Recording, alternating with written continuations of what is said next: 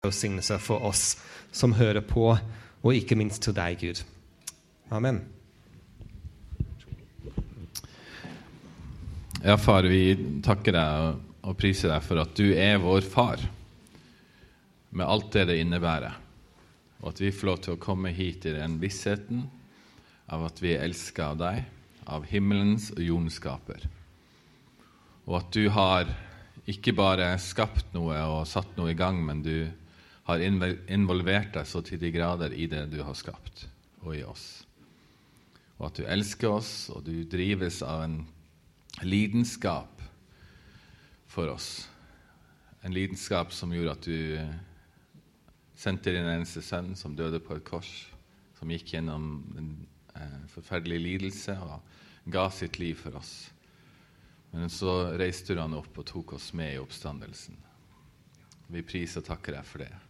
Så takker vi deg for at du ikke er en Gud som sitter langt unna og ser på, men du har et frelsestog som går gjennom historien, som vi får være med på, og du er her. Og du har en kraft som går gjennom det toget av mennesker, og det er din Hellige Ånds kraft. Og vi takker deg for at vi får lov til å leve og bevege oss og være til i din kraft, og ikke bare i vår egen skrøpelige menneskelige kraft.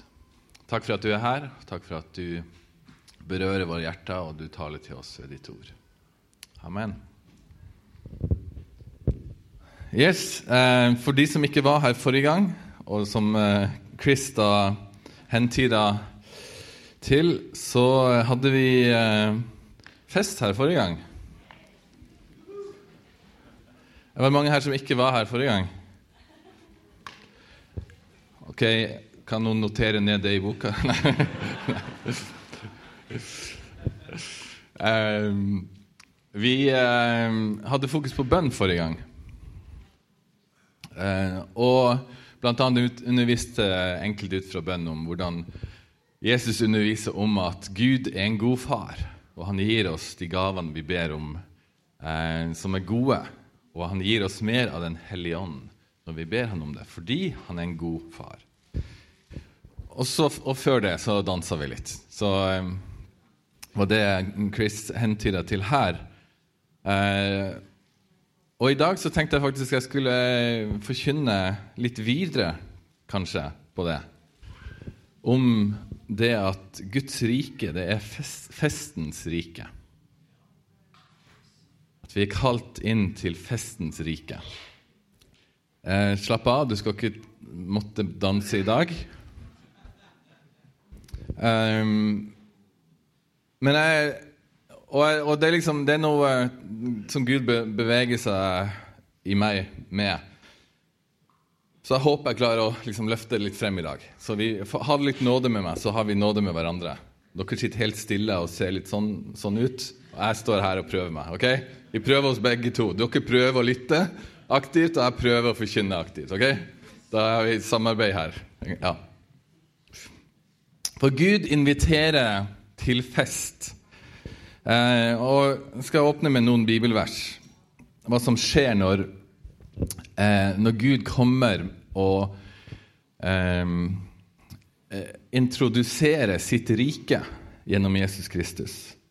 Og I Matteus 4 så står det sånn Siden dro Jesus omkring i hele Galilea. Han underviste i synagogene deres, forkynte evangeliet om riket og helbredet all sykdom og plage hos folket. Jesus kommer inn, forkynner evangeliet, de gode nyhetene om riket. Og så skjer det noe drastisk. At de som var plaga, de som var syke, de blir helbreda av ham. I vers 17 der så står det også fra da begynte Jesus å forkynne. Vend om, for himmelriket er kommet nær. Og Det han sier der, er snu om på hele deres verdensbilde. For nå er dere ikke lenger under denne verdens rike. Nå har Guds rike kommet. Nå kan dere tenke helt annerledes. Kan dere se helt annerledes på den verden dere lever i.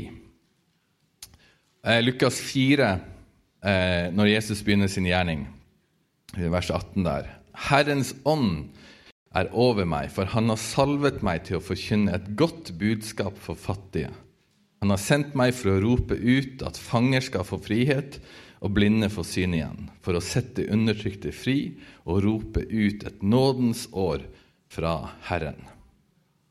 Bare det er jo noen vers som burde få enhver til å ha lyst til å danse. Til og med kanskje jeg av og til.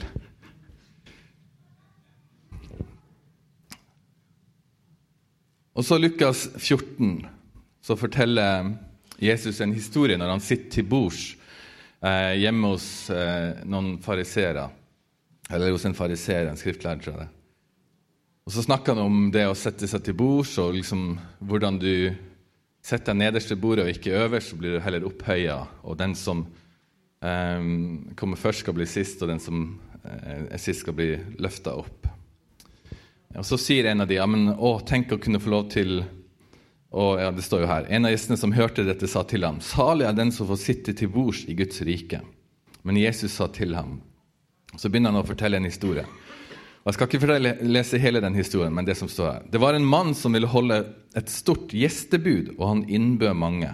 Da tiden for gjestebudet kom, sendte han tjeneren sin av sted for å si til de innbudte.: Kom, for nå er alt ferdig. Guds rike en innbydelse til et gjestebud, til et selskap, til en fest. Um, som kanskje er litt annerledes enn en del andre fester vi er vant til. da. Men, men likevel, det er en innbydelse til et gjestebud og til en fest. Når jeg vokste opp, og kanskje når noen av dere vokste opp, og kanskje i dag også, så er det, var mitt forhold til fest Jeg var med på litt fest og moro. Um, men ofte sånn så takker man nei til fest pga. all fyll og spetakkelet og umoralen og alt som skjedde. Det var jo, Jeg er vokst opp på bygda i Nord-Norge. Og der har du liksom bare av- og på-knapp når det gjelder festing. Det er liksom flatfyll og grøftefyll og ja, du kan liksom You name it, liksom. Det er fest. Fest på lokalet. Eh, og de fleste gjør, fester jo eh, fra de er så vidt konfirmert eller før. Så da liksom begynner det med at det liksom, du, knall, du, knaller åt, som de sa. Og da blekker du helt ut og ligger helt død, døddrukken, og så må du hentes av, av foreldrene dine. Det er starten, liksom. Og så fortsetter det bare sånn. Så det er klart det er jo naturlig at man kanskje ikke kaster seg ut på samme greia. Men, men det som er interessant, da, hvordan vi forholder oss til fest, er jo at når vi leser hvordan Guds rike trer inn i historien, og hvordan Jesus kommer på banen, så ser vi at Jesus han tok del i folk sine fester. Han trakk seg ikke til side og arrangerte egne sammenkomster der han inviterte at de som passer inn her, kan komme til, til meg. Men han gikk, og så satte han seg til bords, og så tok han del i de festene som de religiøse rundt så på og tenkte at det der kan vi ikke være med på, med de folka der. Hva er det du holder på med, Jesus? Så lager vi egne fester litt på, med en motsatt tanke og tenker ja, men vi kan jo ha en egen fest som alternativ. Så har vi kringle og kaffe på menighetshuset.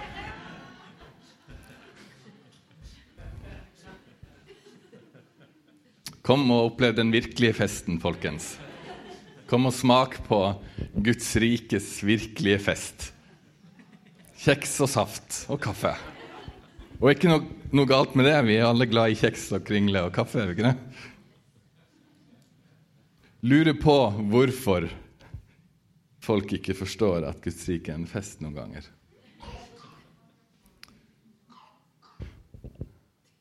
Og kanskje også så ber vi folk komme ut og komme til kirka vår, eh, mens vi aldri har invitert dem hjem på middag med gode retter hjemme hos oss selv. Og så lager vi et eller annet eh, arrangement som vi kanskje kaller fest. Gudstjeneste. Har du vært på festgudstjeneste? Jeg vet ikke hvor mange ganger du har dansa på festgudstjeneste.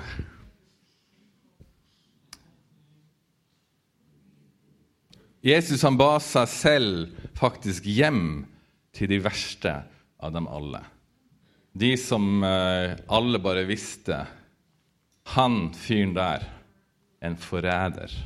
Han har forrådt hele vår, vår, sak, hele vårt samfunn. Han har gjort det for egen vinnings skyld. Og han er det Jesus han kommer når han eh, streder forbi de som sto med rett rygg og skulle hilse på Jesus. Så sier han, 'Sakkeus, i dag skal ikke du bare få komme hjem til meg og oppleve hvordan det er hos meg. Jeg vil komme til ditt hus. Jeg vil gjeste ditt hus. Og det er en sånn radikal annerledeshet i hvordan Jesus inviterer oss til fest og inviterer seg selv inn i menneskers liv for å kunne invitere det inn i Guds rikets rike liv og fest. Den religiøse eliten reagerte jo på Jesus. Og jeg må, jeg må innrømme at jeg ikke så ofte jeg tenker ja, ja, jeg, jeg er fariseer, eller jeg liksom Jeg tenker jeg er litt langt unna det. Men noen ganger så syns jeg det treffer ganske godt. da. Og i Lukas 7, 35 så står det sånn Menneskesønnen er kommet, han spiser og drikker, og dere sier, Se, for en storeter og vindrikker, venn med tollere og syndere. Han Jesus, han Jesus som vi sier på, i Nord-Norge han, han, Jesus.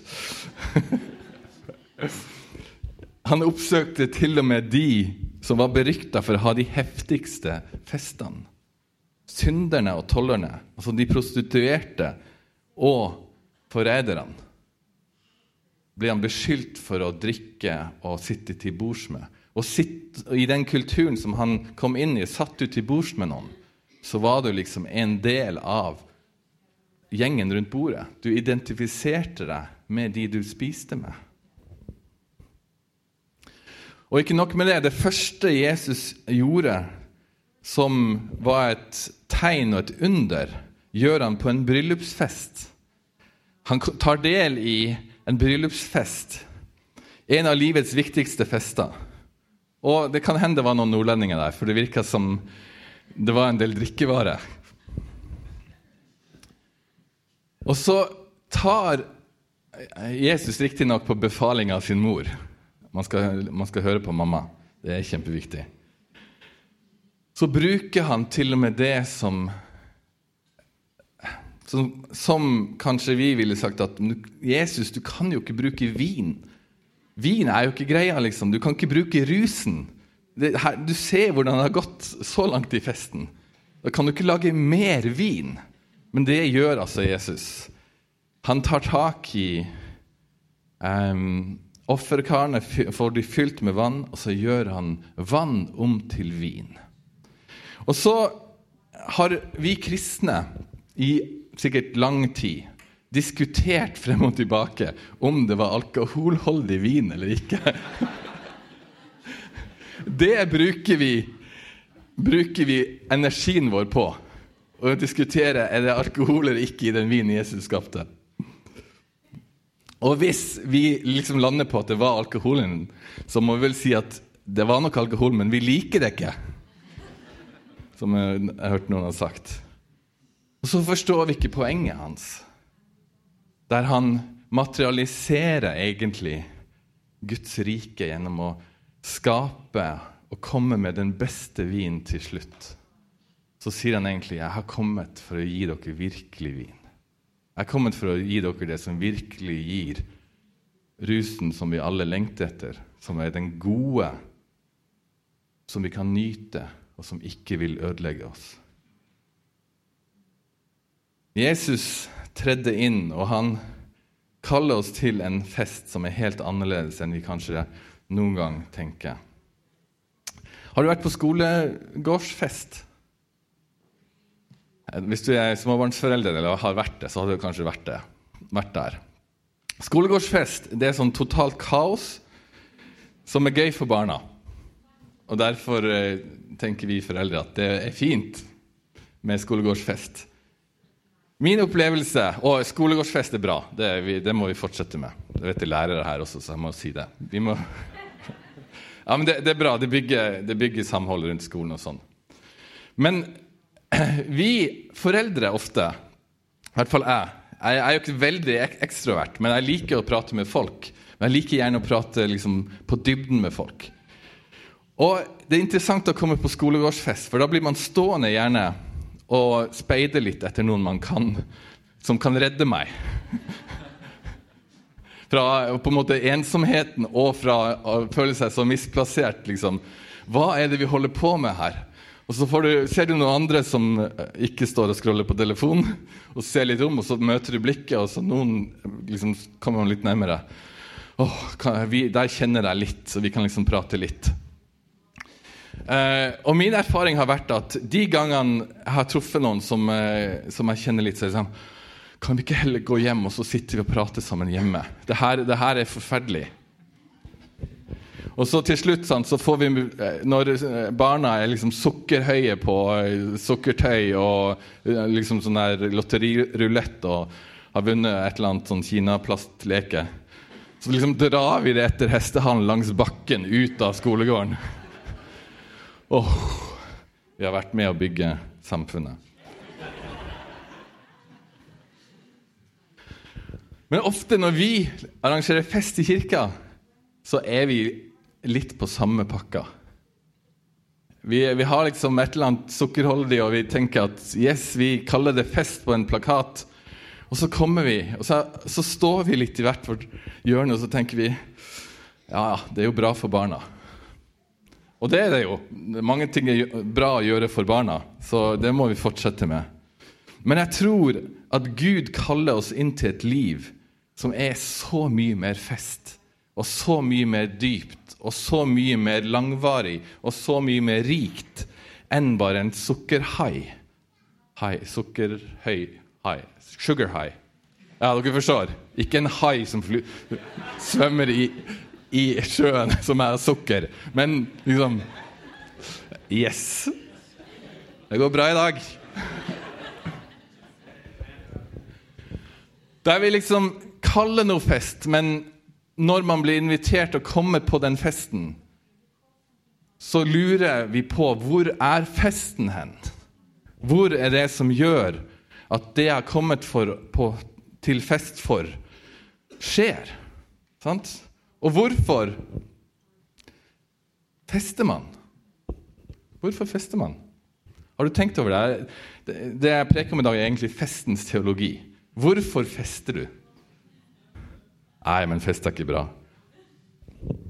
Jesus inviterer til fest, da må det være bra. Hvorfor fester vi? Hva er festen?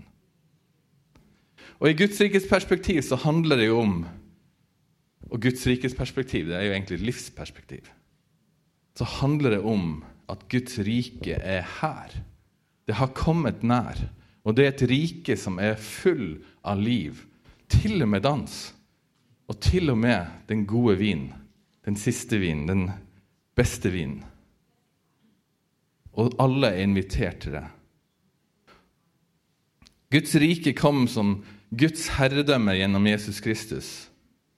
Han kom til oss og ble innleda av Jesu liv, døde, døde oppstandelse. Og, han, og, Guds rike kom til oss fordi det er Guds plan og hensikt. Han drar himmelen nær til jorden. Sant? Det er jo det som skjer når Guds rike kommer. det er at Guds vilje i himmelen kommer på jorden. Og Jeg vet ikke hva slags bilde du har i himmelen. Du har kanskje et um, bilde av at de aller fleste jeg snakker med om himmelen, tenker at det høres kjedelig ut. Jeg vet ikke om du har vært der noen gang og tenkt på det. Kanskje du er veldig heldig her i dag og du tenker 'yes, det blir fest'. Og Hvis du har opplevd lidelse i livet, så tror jeg faktisk det er noe av det dypeste du kan ha en sånn himmellengsel og, og vite at det kommer en dag der lidelsen forsvinner. Men ofte så tenker man ah, himmel, himmellengsel. Hva skal vi gjøre der, da? Gå rundt på Gullgate, liksom. Oi, det var kult. Enda mer gull. Enda mer gull. Enda mer gull. Og så forstår vi ikke innbydelsen og bildet der vi blir invitert egentlig til det mest fantastiske selskapet og den mest fantastiske festen som vil vare for alltid, og som er rikere enn gull, som er klarere enn perler, eller hva det står, glass, som er rikere enn du noen gang kan, og gøyere og mer givende enn du noen gang kan ha på noen flatfyllefest i Brønnøysund i Nordland. For her, i den festen her så vil du i hvert fall huske fra dag til dag hvor herlig det er. Og det er det rike, sant, som, og der du er forvandla til å være kompatibel med den herligheten som er rundt deg. Der du kan nyte det fullt ut, og det flyter gjennom kroppen din. Og du er en del av Gud, uten stengsel noe sted. Det er jo eh, lengselen etter det himmelske, etter det her, herligheten. Og det har kommet til oss i Guds rike, her og nå. Og Derfor er, det, er du invitert til en fest her og nå som vil lede til den store festen når han kommer tilbake. Og Derfor er det så viktig å si ja til innbydelsen til gjestebudet. Ikke som alle de som hørte på og fant masse unnskyldninger. 'Nei, men jeg har akkurat fått meg ny um, traktor.' Eller 'jeg har akkurat gifta meg.' Eller Det var mange, mange forskjellige unnskyldninger. Mens Gud bare var så full av lidenskap for den, det gjestebudet og for det folket. Så han sa ok, hvis ikke dere sier ja, så går jeg til neste gruppe. Så gikk han lavere og lavere. Til slutt så kom han helt til Oslo. Langt opp i Gokk, opp i nord i enden av liksom, verden. Men kanskje dere vil komme til min fest? Og så sitter vi her fordi vi har sagt ja til det. Men noen ganger så tror jeg at vi ikke helt skjønner hvilken fest det egentlig er vi er invitert inn til. Og det som gjør at vi kan feste og oppleve denne himmelske festen på forhånd, er jo førstegrøden som er gitt oss. Hva var førstegrøden i et jordbrukssamfunn? Kanskje, kanskje, du er bonde. Har vi en bonde blant oss? Nei, men Da får, prøve, får jeg prøve meg på en forklaring. Førstegrøden er jo sant, I et varmere klima så hadde du flere, hes, flere hester. Det hadde du sikkert også. Flere høster.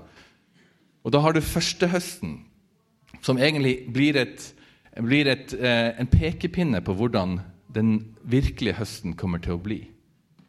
Og da tar de og feirer og har fest. Nå har festen, nei, høsten kommet. Da må vi ha førstegrødefesten. Da tar de første høsten inn, og så løfter de det opp, og så fester de og feirer og virkelig har Yes! Se hvor rik første, eh, første høsten er. Det kommer til å bli en fantastisk høst når hele høsten kommer inn. Og Bibelen er så tydelig på at førstegrøden er Den hellige ånd. Og det er det som gir oss førstesmaken på den virkelige festen, den virkelige høsten.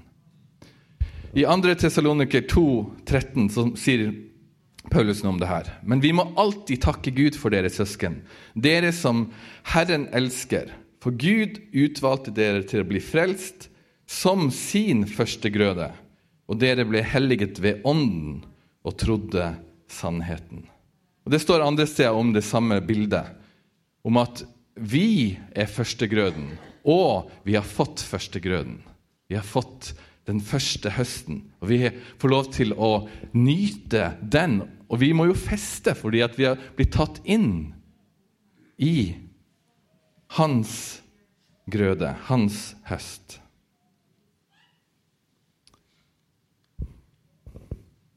Og evangeliet som vi forkynner, må jo være evangeliet om det gode riket og innbydelsen til festen. Men hvordan kan vi forkynne om ikke vi har opplevd festen? Jeg vet ikke hvordan du tenker om det. Og vi kan ikke dekke denne festen til. Vi må ta del i den, og så må vi leve den, sånn at vi kan forkynne den med troverdighet. og ikke bare med liksom, slogans på en plaket, pl plaket, plakat. Kom til fest hos oss. Så Hvor er festen? Jeg trodde jeg kom til fest. Når Jesus kommer og, og forkynner Guds rike, så sier han jo 'venn om' på Guds rike her. Og vi eh, med rette sant, har tatt til oss budskapet 'venn om fra dine synder', og liksom 'venn om og legg ned ditt liv, ta imot Jesus'. Men jeg tror at det Jesus sier der, er så mye større. Det handler om at du skal vende om hele ditt perspektiv og se at nå lever du i en ny virkelighet, selv om alt rundt deg ser annerledes ut enn den nye virkeligheten. Å leve i omvendelse fra vårt sånn smålige perspektiv om hva Guds rike egentlig er. Guds rike er noe annet enn sukkersjokk og småprat. Guds rike er jo Guds herlighet som har kommet midt iblant oss og blir manifestert gjennom våre liv. Gjennom sidemannen sitt liv. Du kan nesten eh, snu deg til sidemannen og si at Wow, Guds herlighet bor i deg. Guds rike bor i deg. Guds fest bor i deg. Du er et festlig menneske, kan du Nei, det høres kanskje ikke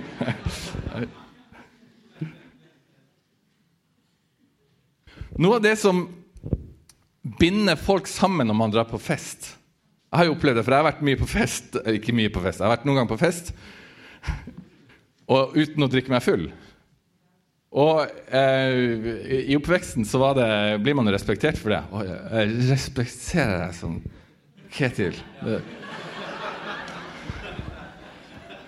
At du, at du, ikke drikker. Så du får jo kjempebra samtaler med i, på fyllefest. Eller til en viss grad. Du får i hvert fall vite ting som de er redd for at du skal si etterpå.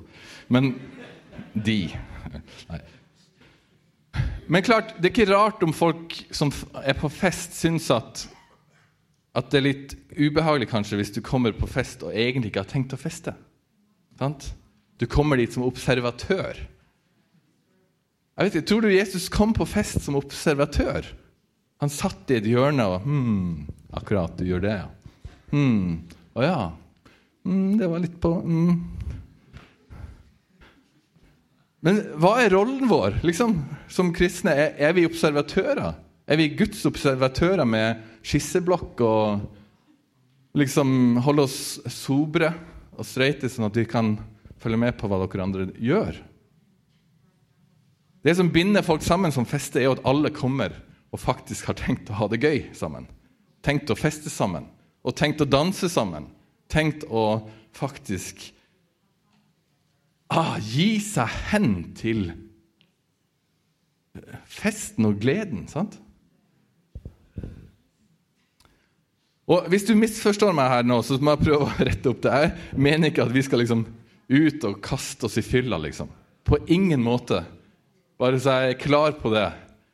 Men vi må gjerne kaste oss inn i den nye vinen som Jesus har kommet med. Og sørge for at når vi kommer sammen, så er vi faktisk alle sammen her for å feste. Og vi er sammen alle her, også med alt vi kommer med. For det er jo nettopp det som er festens natur. At du kommer der for noen gang faktisk å legge bak deg noe av det som tynger. For å bare gi deg hen til det nye livet. Ikke sant? Og du og jeg er invitert til en fest som ikke bruker opp, men som bygger opp. Og det er noe helt annet, og det er noe helt annet enn festen som eh, i, motsatt fortegn. Vi er invitert til en fest som ærer mennesker, som løfter dem opp og gir styrke i hverdagen. Og hvordan lar du og jeg Guds rike komme midt iblant oss som en fest? En av de mest kjente historiene til, til Jesus som, som, forklarer hvordan Gud inviterer til fest, er jo fortellingen om den bortkomne sønnen. Eh, og Vi kjenner kanskje den fortellingen. Det er fortellingen om han som bare tar farsarven og kaster den bort på utsvevende liv, og til slutt havner i grisebingen og tenker at ok, jeg kan vel kanskje få det bedre som tjener hjemme hos min far. Og Så våkner han opp i det, og så har han sitt perspektiv og tenker ok, jeg kan bli tjener hjemme hos min far. Ok. Og kommer hjem, og så møter han en far som har venta på han, som løper han i møte. Eh, tar bort all verdighet ved seg selv, egentlig i lidenskap for sin sønn. Så løper han han i møte og kaster seg med halsen på han og sier at det er ikke snakk om at du skal være tjener. Vi skal ha fest. Og du skal bli, få verdigheten din tilbake igjen. Du skal få autoriteten din tilbake igjen. Du skal få sønnekåret tilbake igjen. Og da må vi feste. Og så er jo den kanskje mest bitende delen av den historien om den hjemmeværende sønn, som Jesus også forteller. For helt til da så kan jo alle klappe og tenke åh, hvilken fantastisk far. Tenk hvilken nåde. Og så snur Jesus historien og sier men det var en hjemmeværende sønn også. En som ikke kasta bort alt til far, men som har tjent han på jordene dag etter dag. Og når han blir invitert til den samme festen Det er ikke en annen fest, det er den samme festen.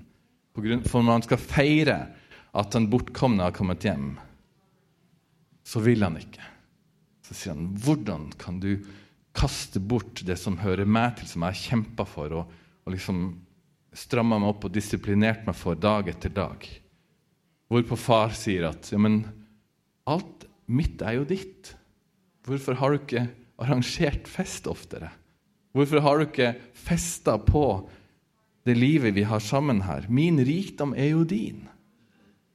Og så ser vi eh, hvordan den hjemmeværende sønnen heller fokuserer på men min yngste bror burde kommet hjem. Det var hans plikt. Hvordan, hvordan kan det her skje? Og det taler mer til meg ofte.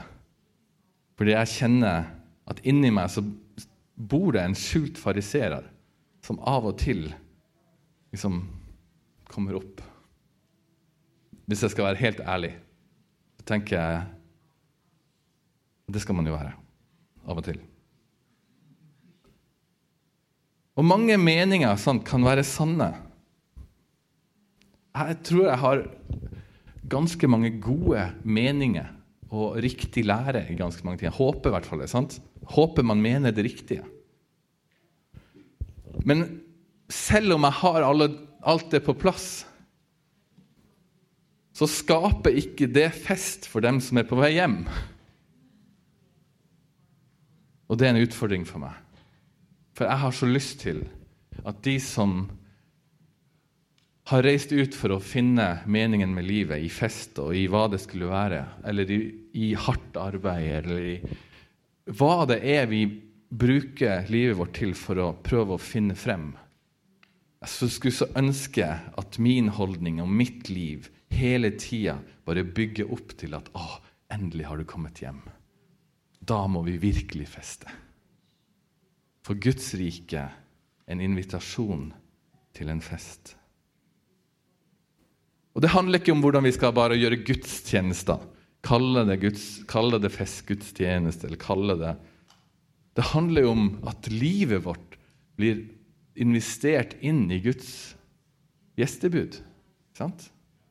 at hele vårt liv er eh, investert inn i hans gjestebud, i hans rike. Jeg tror at de fleste mennesker egentlig lengter etter herligheten. Lengter etter det høyere meninga med livet. Lengter etter å virkelig finne det her gjestebudet og se at å, her finnes det faktisk en fest og et liv som ikke bruker meg opp. Vi søker lykke. Den mest folkelige måten å tenke på vi, hvordan du får det beste i livet, er å spørre hvordan vil du leve for å bli lykkeligere? hva lengter du etter for å finne lykke? Hva gjør du for å finne lykke? Vi lengter etter denne her, vi har den dype lengselen etter livet som ikke styres bare av hverdag. Altså Et liv som ikke bare styres av hverdag, av kamp, av forgjengelighet, av disiplin, av skam, av skyld, og til slutt styres liksom ultimatumet av døden. Vi lengter etter herligheten, egentlig. Og mon tro om på de villeste fester så er det egentlig det man søker. Men at Jesus kommer og har kommet og sagt at vet du hva, jeg ser din lengsel, men jeg har faktisk en fest. Jeg har faktisk en vin som er mye bedre enn den du har drevet og drukket hele livet ditt. Vi lengter alle etter lykke. Augustin sa det sånn Du har skapt oss for deg, og våre, vårt hjerte er urolig inntil det finner hvile i deg. Vi lengter etter verdighet, helhet, autoritet over oss sjøl, over livet, etter helse, etter glede, etter fred, etter kjærlighet. Og Augustin sa også det at alle fornuftige mennesker søker egentlig å bli lykkelige. Det er egentlig det hvis du virkelig bruker huet ditt, så er det det du holder på med. Men så sier han også at mennesker er ulykkelige fordi vi elsker feil ting. Eller egentlig at vi elsker å ha lidenskap for ting i feil rekkefølge. Det er på en måte hans forklaring på menneskets problem. Og så leder det til å si men hva om du hadde fått din kjærlighet på rett plass?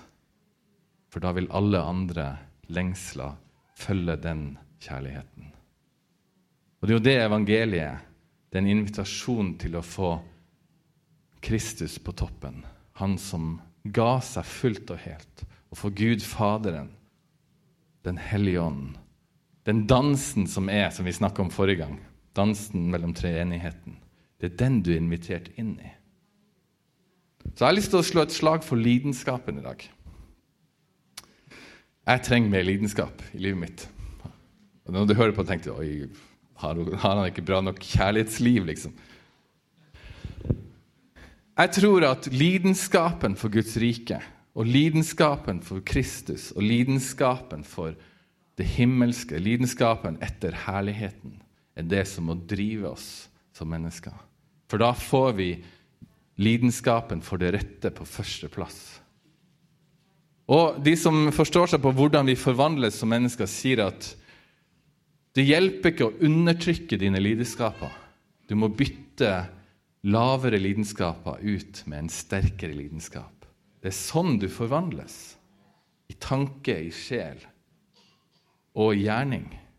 Og den lidenskapen er det Kristus kaller oss til å finne hos Gud.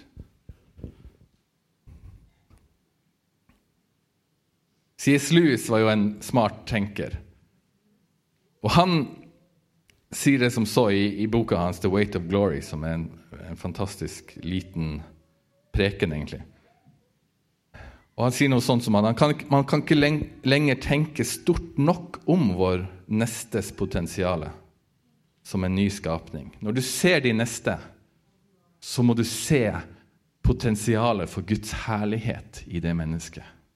Og det finnes ikke grenser for det potensialet.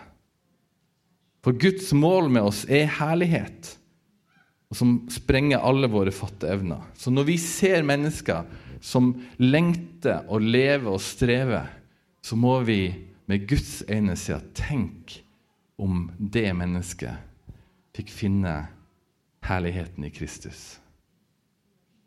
Og behandle det mennesket etter det. Behandle mennesker som noen som søker etter og lengter etter og kaver etter å finne herligheten, som vi egentlig alle sammen lengter etter. Paulus sier det samme i 2. Korinterbrev 5, 16, 17 og 18. Så kjenner vi ikke lenger noen bare på menneskelig vis. Og har vi før kjent Kristus på menneskelig vis, så kjenner vi ham ikke lenger slik. Nei, den som er i Kristus, er en ny skapning. Det gamle er borte, se det nye er blitt til. Men alt er av Gud, Han som ved Kristus forsonte oss med seg selv og ga oss forsoningens tjeneste. Så det han sier her, er at du er en budbringer på gjestebudet.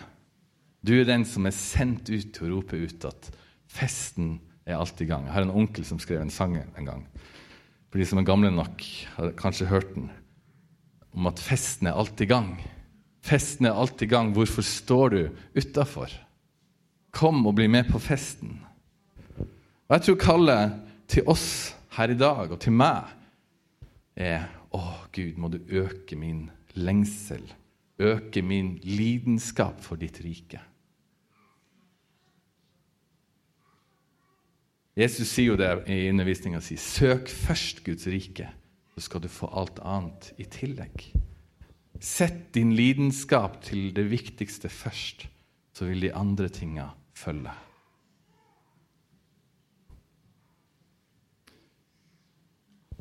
Jeg skal avslutte nå. Vi er altså ikke invitert inn til en kommunal, institusjonal fest. Vi er kalt til et, inn til et gjestebud. Hva om livene våre virkelig ble forma av det? At Guds rike er en innbydelse inn i den treenige dansen. At Guds rike er en innbydelse til å drikke av den gode vin. At Guds rike er en innbydelse til gjestebudet. Til den festen som slakter gjøkalven og til verdighet og til Guds herlighet. Og Jeg tenker jeg har lyst til å begynne året, og jeg tror kanskje det var det som starta her forrige gang. Da jeg kom til gudstjeneste forrige gang, så Jeg var langt unna å ville danse, for å si det sånn. Det er jo som regel, men, eh, men spesielt. Og så opplevde jeg at Den hellige ånd kommer og berører noe med seg. At vi kan jo ikke stå her og være dualistiske. Han sa ikke egentlig det, men det er min smarte tolkning. Prøv. Vi kan jo ikke stå her og gjøre noe med kroppen, med, med, med stemmen vår og synge om hvor fantastisk Jesus er. Vi, vi, og vi kan ikke leve livene våre og, og gå rundt og tenke hm, Jesus er fin, hm, han er god, uten at hele meg blir tatt med inn i realiteten av at vi er invitert inn i den festen. For hvordan skal jeg kunne vitne om noe som ikke jeg selv lever i, og faktisk helt ærlig tenke at min fest overgår faktisk deres fest. Min fest i Guds rike overgår faktisk den festen du har på bygda. Og jeg, jeg, har lyst til å kalle oss sammen til at hvis ikke vi dykker dypere og virkelig søker Guds rike først, så blir vi hyklere som sier 'Kom til festen vår, den er så mye bedre'. Og så kjenner vi egentlig på innsida at Er det nå egentlig det, da? Vi lever sånn halvveis. Vi lever liksom én fot her og én fot i, i liksom den norske velferdsfesten. Jeg tror han kaller oss til å virkelig kaste oss inn i festen og si at det får bare briste og bære. Og det bærer fordi at Jesus holder. Og det bærer fordi at vi elsker. Jeg skal avslutte med Kolosseren 1,27. Og det er Guds frelsesplan. Gud ville kunngjøre for dem hvor rikt og herlig dette mysteriet er for folkeslagene. Kristus er blant dere, håpet om herligheten. Håpet om herligheten.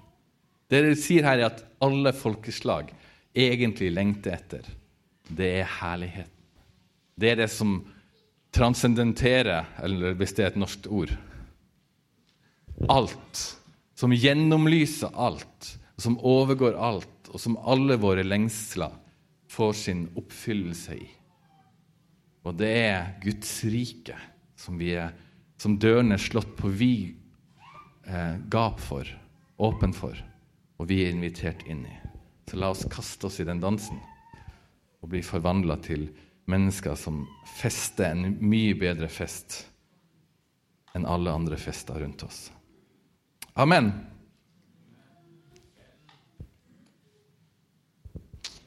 Yes. Ja.